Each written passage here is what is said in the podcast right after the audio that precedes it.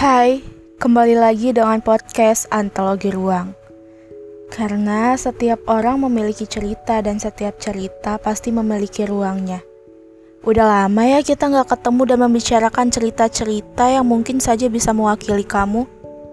Sekitar sebulanan saya kabur dari dunia podcast. Bukan karena nggak ada cerita, banyak banget cerita yang mungkin gak bisa saya bagikan ke kalian. Mulai dari patah hati tentang penolakan, tentang kehilangan penyair hujan bulan Juni, dan juga tentang pembunuhan kesadaran soal perasaan, serta penikaman rindu yang lumpuh tanpa arah. Memang, ada banyak hal yang gak perlu dibicarakan soal cinta, tapi segala hal kalau gak pakai cinta ya pasti bakal hambar. Contohnya, kalau saya nggak suka dan gak cinta dunia tulis menulis, ya saya nggak bakal bisa bertahan. Ya makanya saya sekarang balik lagi menyuarakan tulisan ini lewat podcast. Jadi untuk podcast kali ini saya beri judul Melipat Juli. Mungkin karena ada banyak hal yang dilipat dan berjarak di bulan ini Ya walaupun sekarang sudah masuk bulan September, tapi nggak apa-apa karena memang ada banyak cerita yang nggak harus tepat waktunya untuk diceritain. Tapi kayaknya lebih tepat judulnya adalah It's okay if you not to be okay. Bukan judul drama ya. Karena nggak apa-apa itu adalah jawaban yang bisa menguatkan. Oke, kita mulai ya podcastnya.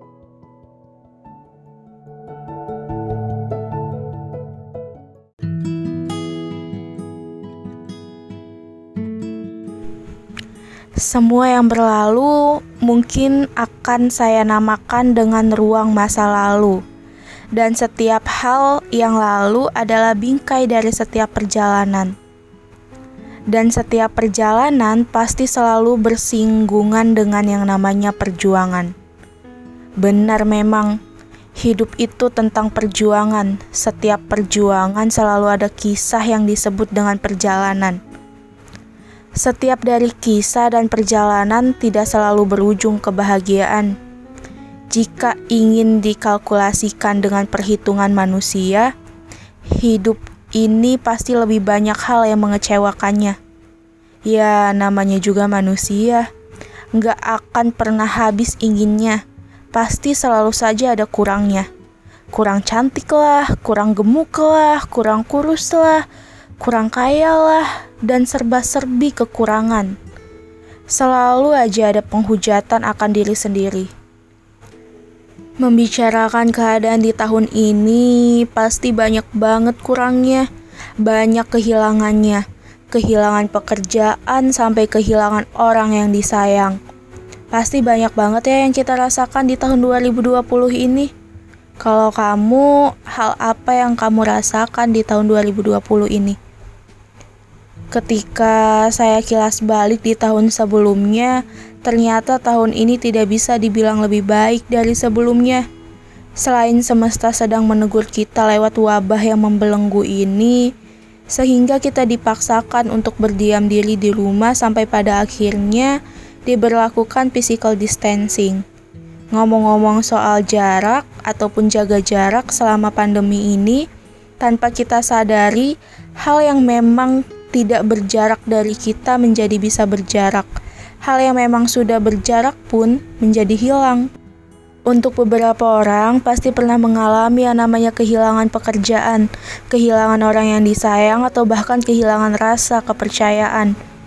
Untuk di dunia sastra, baru-baru ini kita mendapatkan rasa kehilangan yang begitu dalam dari pemilik puisi yang fana adalah waktu dan kita abadi.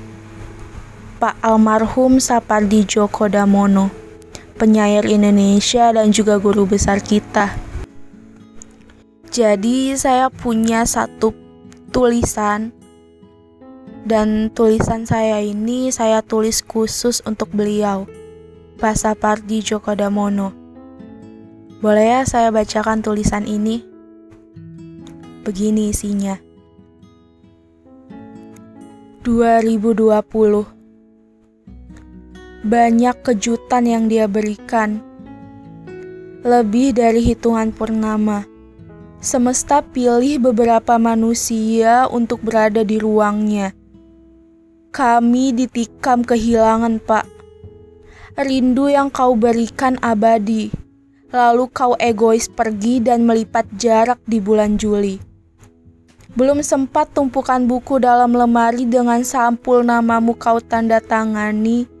Belum sempat diucapkannya api pada kayu yang sudah menjadi abu. Belum sempat kita bersua dan aku memanggil namamu akrab dalam puisi. Melipat Juli karya dan juga dedikasimu abadi. Untuk pasal Pardi, kamu abadi dalam puisi.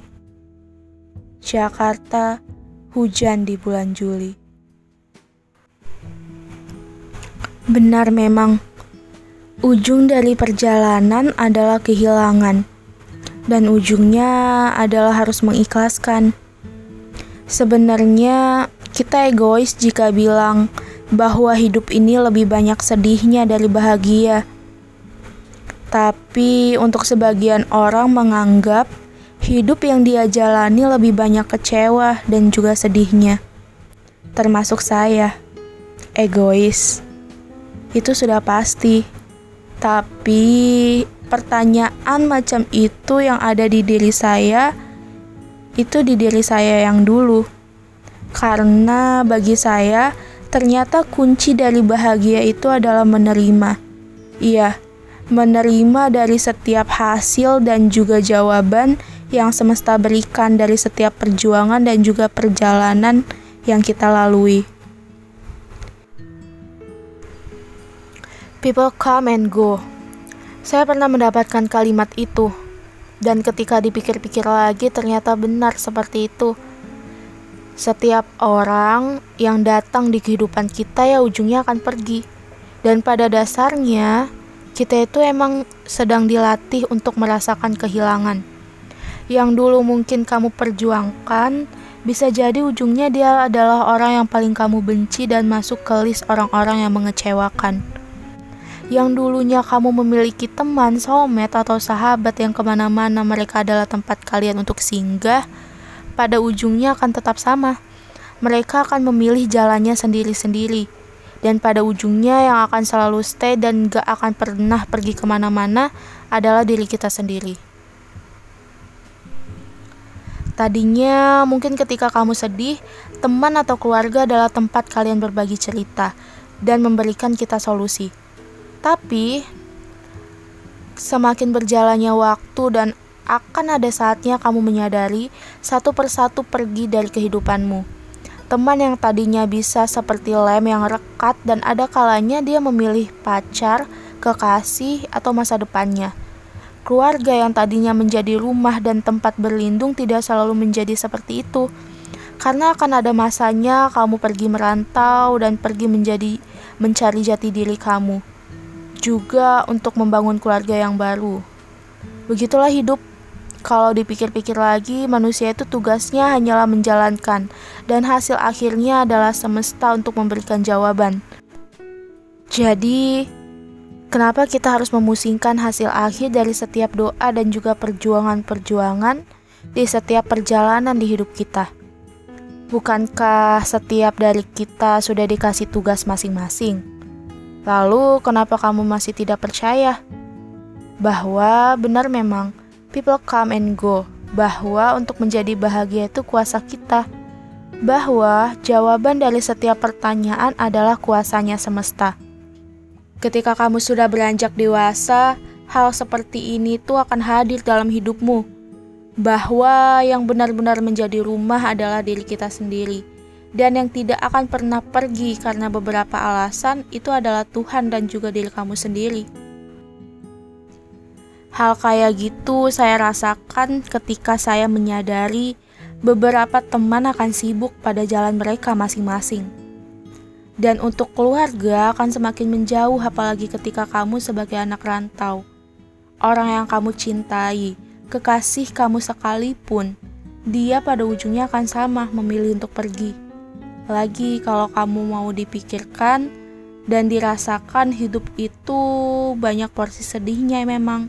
Tapi Untuk bisa menakar bahagia hanyalah kuncinya menerima dan menghapuskan perasaan dari kekecewaan hanyalah mengikhlaskan. Ya, it's okay if you not to be okay. Karena mungkin sekarang semua hal yang menyedihkan sulit diterima. Tapi suatu saat ketika kamu melihat diri kamu yang kuat sekarang adalah diri kamu yang pernah hancur di masa lalu. Kamu memang boleh mencintai orang lain, tapi kamu juga harus lebih mencintai dirimu lebih dari kamu mencintai orang itu. Kayak istilahnya itu I love you but I love myself more. Iya, kayak saya mencintai kamu, tapi saya lebih mencintai diri saya. Karena hal yang paling menyakitkan adalah pemberantasan hak percaya kepada diri kita sendiri yang ternyata pelakunya adalah diri kita sendiri. So, jangan lupa bahagia, karena bahagia itu kita yang menentukan. Dan juga jangan terlalu erat mengenggam sesuatu, karena kamu yang akan tersakiti.